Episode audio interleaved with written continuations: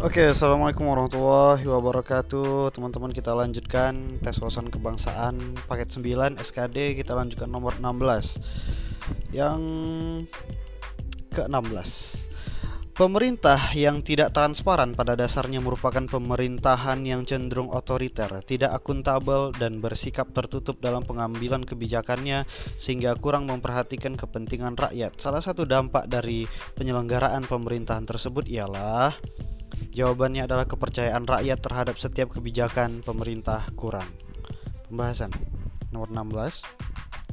Pemerintah yang tidak transparan pada dasarnya merupakan pemerintahan yang cenderung otoriter, tidak akuntabel dan bersikap tertutup dalam pengambilan kebijakannya sehingga kurang memperhatikan kepentingan rakyat.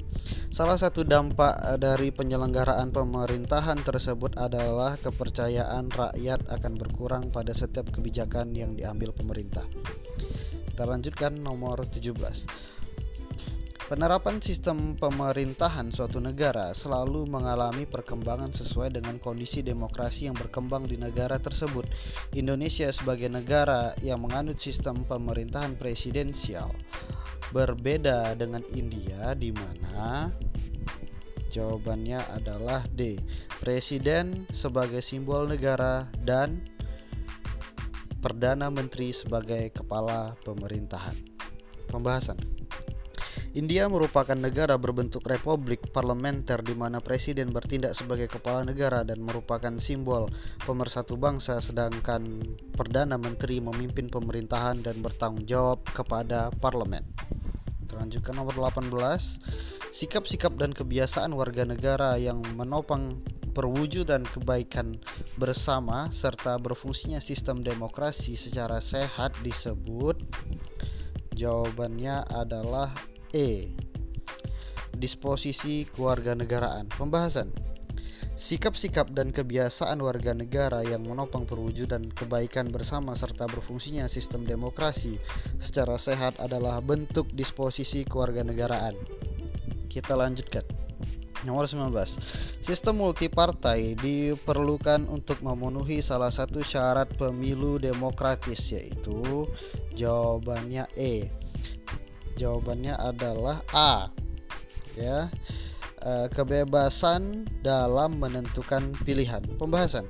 Sistem multipartai merupakan uh, sistem multipartai diperlukan untuk memenuhi salah satu syarat pemilu demokratis yaitu kebebasan dalam menentukan pilihan. Kita lanjutkan nomor 20. Di antara pernyataan berikut manakah pernyataan yang benar? Jawabannya adalah A yaitu media massa berpengaruh terhadap pemikiran, sikap dan perilaku warga. Media massa berpengaruh terhadap pemikiran, sikap dan perilaku warga negara. Kita lanjutkan nomor 21. Pancasila sebagai sikap mental, tingkah laku, dan ciri khas dalam kehidupan sehari-hari menunjukkan kedudukan dan fungsi Pancasila sebagai jawabannya adalah D. Pancasila kepribadian bangsa Indonesia. Pembahasan Pancasila sebagai sikap mental, tingkah laku, dan ciri khas dalam kehidupan sehari-hari menunjukkan kedudukan dan fungsi Pancasila sebagai kepribadian bangsa Indonesia. Kita lanjut ke nomor 24. Berkenaan dengan perubahan isi dari UUD 1945 sebenarnya telah diatur oleh TAP MPR nomor 4 MPR tahun 1983 tentang jawabannya adalah referendum.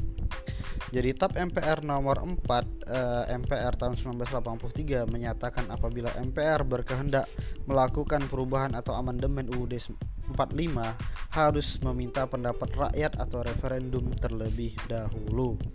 Terlanjutkan nomor 25, pembentukan UUD 1945 mempunyai arti sebagai berikut kecuali jawabannya adalah D. Sumber dari segala macam sumber hukum Indonesia. Pembahasan jadi arti pembukaan UUD NRI 1945 yang benar adalah satu sumber motivasi perjuangan bangsa Indonesia, kemudian sumber aspirasi tekad bangsa Indonesia, kemudian sumber yang menyemangati pasal-pasal dan penjelasan, kemudian sumber cita huk, huk cita cita-cita hukum dan cita moral bangsa Indonesia. Jadi itu tadi uh, artinya yang terkecuali adalah sumber dari segala macam sumber hukum Indonesia. Kita lanjutkan nomor 26. Berikut adalah pasal-pasal dalam UUD NRI 1945 yang masih asli dan tidak diamandemen antara lain jawabannya adalah 4, 10, 12 dan 29. Pembahasan berikut ini adalah pasal-pasal dalam UUD NRI 1945 yang masih asli dan tidak diamandemen antara lain 4, 10, 12 dan 9. Kita lanjutkan.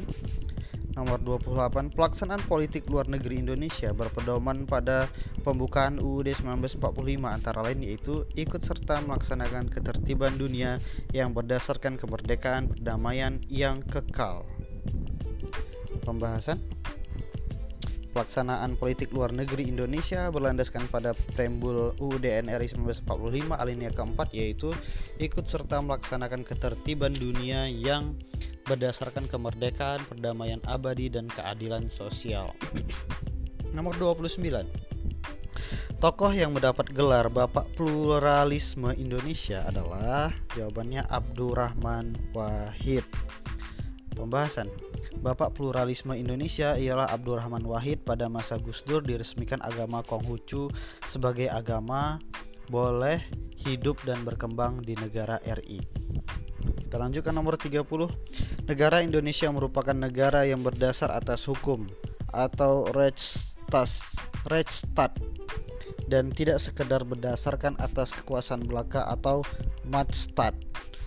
Hal tersebut ditegaskan dalam UUD NRI 1945 pasal jawabannya adalah 1 dan 3 pasal 1 ayat 3 pasal 1 ayat 3 Indonesia adalah negara hukum merupakan rumusan pasal 1 ayat 3 kita lanjutkan. 31 Salah satu warisan dunia yang dimiliki Indonesia ialah Candi Borobudur yang terletak di kota Jawabannya adalah Magelang. Pembahasan Candi Borobudur bercorak agama Buddha dan dibangun sekitar abad 9 Masehi pada masa Raja Samaratungga. Candi Borobudur terletak di kota Magelang, Jawa Tengah. Kita lanjutkan nomor 32. Otonomi daerah diatur oleh Undang-Undang Nomor jawabannya 32 tahun 2004. Jadi pembahasan pelaksanaan otonomi daerah diatur lewat Undang-Undang Nomor 32 Tahun 2004. Kita lanjutkan. Nomor 33, 34 dan 35 merupakan bahasa Indonesia jadi tidak masuk kisi-kisi dari Menpan RB untuk tes wawasan kebangsaan kita lanjutkan lagi. Nanti pada paket 10 tes wawasan kebangsaan selanjutnya. Terima kasih